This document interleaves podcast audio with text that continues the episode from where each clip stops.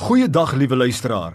My naam is Kobus Tron en u is ingeskakel by die program Meer as oorwinnaars. Ja, met my hele wese glo ek daaraan dat die Here God sy kinders wil help om meer as 'n oorwinnaar te wees, te word en te bly in elke area van hulle lewe. En ek wil vir jou sê, maak nie saak watter tyd jy jouself in bevind nie, of dit goed is en of dit sleg is, of dit donker is en of dit lig is, God wil jou help.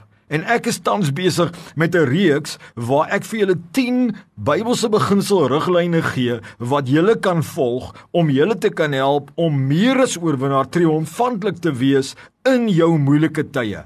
Hoe gemaak? Wat doen ek wanneer dit donker is? Wanneer die popo die fan geslaan het? Wat doen ek? Wat is verlang God van my? Moet ek deur sy genade toepas wat my sal help om in die oorwinning te kom?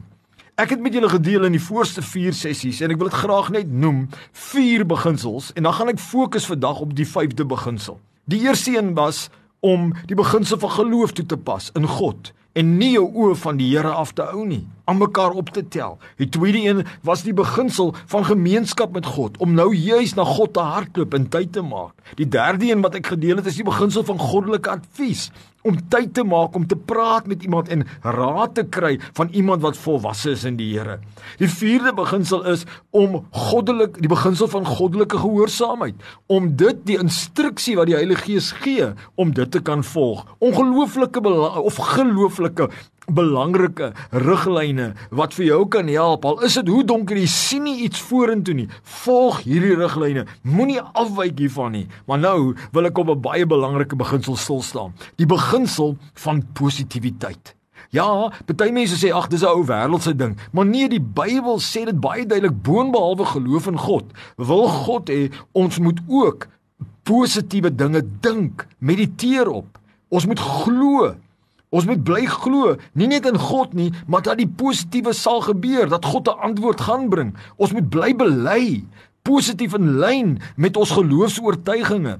En ons ons kan nie wegdraai daarvan nie en as ons fouteer en ophou dit bedink en ophou dit glo en ophou bely dan moet ons terugkeer aan mekaar na hierdie nou pad toe. Jy kan nie bekostig met ander woorde om in 'n negatiewe mode te gaan nie, om in 'n negatiewe bui te wees nie, om dinge negatief te bedink op hoopverlore vlakte, om nie meer positief te verwag nie en ook jou belydenis negatief te maak. Jy kan dit nie bekostig nie, vriend, want dit kan 'n wonder werk weerhou.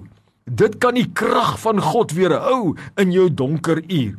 So tel jou tong op, tel jou denke op, maak 'n besluit dat ek gaan nie dink oor die vreesagtigheid nie. Ek praat nie van ongebalanseerd nie. Ons almal het concerns. Ons almal het dinge wat ons moet in ag neem. As jy op die 10de verdieping staan, gaan daar 'n natuurlike vrees wees dat jy nie kan afspring nie, want dis die manier wat God jou gaan help om om en die mens en en 'n natuurlike manier wat God in jou gesit het dat jy nie verkeerde in on, eh, dinge aanvang nie. Maar hier is 'n beginsel wat moet toegepas word. Kom ek wys vir jou hoe die Bybel dit sê. Hy sê in Markus 11 vers 23: Elkeen wat vir hierdie berg sê, hef jou op en werp jou in die see en nie in sy hart twyfel nie, maar glo dat wat hy sê sal gebeur. Hy sal verkry net wat hy sê.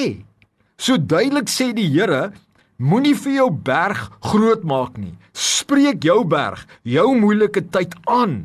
My vriend, nadat jy gebid het, nadat jy gevra het, nadat jy geglo het, nadat jy advies gekry het, hou aan om vir jou berg te sê, jy sal val.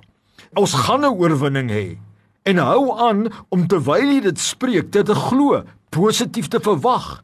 Dis nie net nou geloof in God nie, glo dat wat jy sê sal jy verkry en die Bybel sê jy sal verkry net wat jy sê.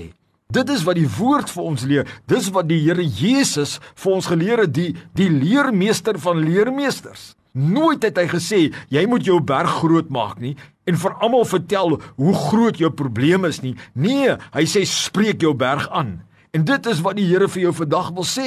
Ook die Bybel sê en jy ken dit Spreuke 18 vers 22 sê dood en lewe is in die mag van die tong. En elkeen wat dit graag gebruik, sal die vrug daarvan eet. Nou my vriend, ons is almal menslik. Ons almal maak die foute. In ons donker tye begin ons negatief bedink. Ons begin negatiewe dinge praat. In 'n oomblik is daar daar konflik en daar's risie en ons en ons en ons raak negatief. Maar dan moet ons onmiddellik terugkom na ons spoor toe, na ons riglyn toe in ons uur van nood. En dit is wat God dan vir ons sê, volg dit. Bly positiewe dinge bedink. Bewaar jou hart. Meer as alles uit, dit is die oorspronge van die lewe.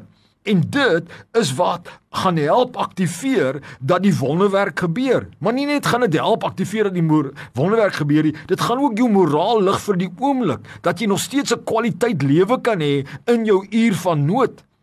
En dat jy nie net dit heeltyd omwens nie, maar weet hierso het ek nog 'n kwaliteit lewe en ek maak my mense rondom my positief. My vriend, wat jy sê en wat jy glo, het 'n sekere uitkoms. Onthou dit. Dit is wat die Here Jesus gesê het en jy kan na enigiemand toe gaan en mense kan vir jou stry, maar dit is wat die woord sê. En dit is jou riglyn in uur van nood. Staan op, bedink mooi dinge.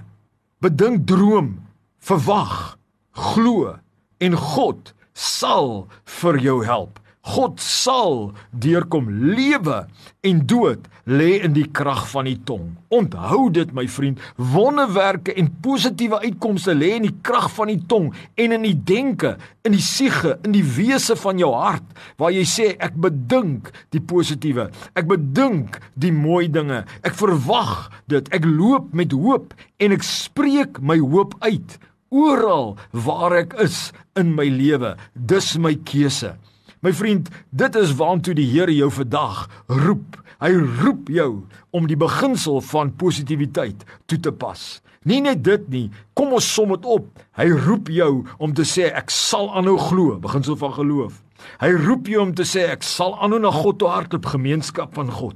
Hy roep jou om te sê kry goddelike advies die beginsel van goddelike advies. Hy roep jou na goddelike gehoorsaamheid. Volg die instruksie van die Here en hy roep jou om positief met jou mond te kan bely. Dit en te verwag. Dit is die riglyn. Dit is hoe God se kinders in hulle uur van nood praat en lewe en toepas. Dis hulle narrow way wat lei na die lewe. Amen.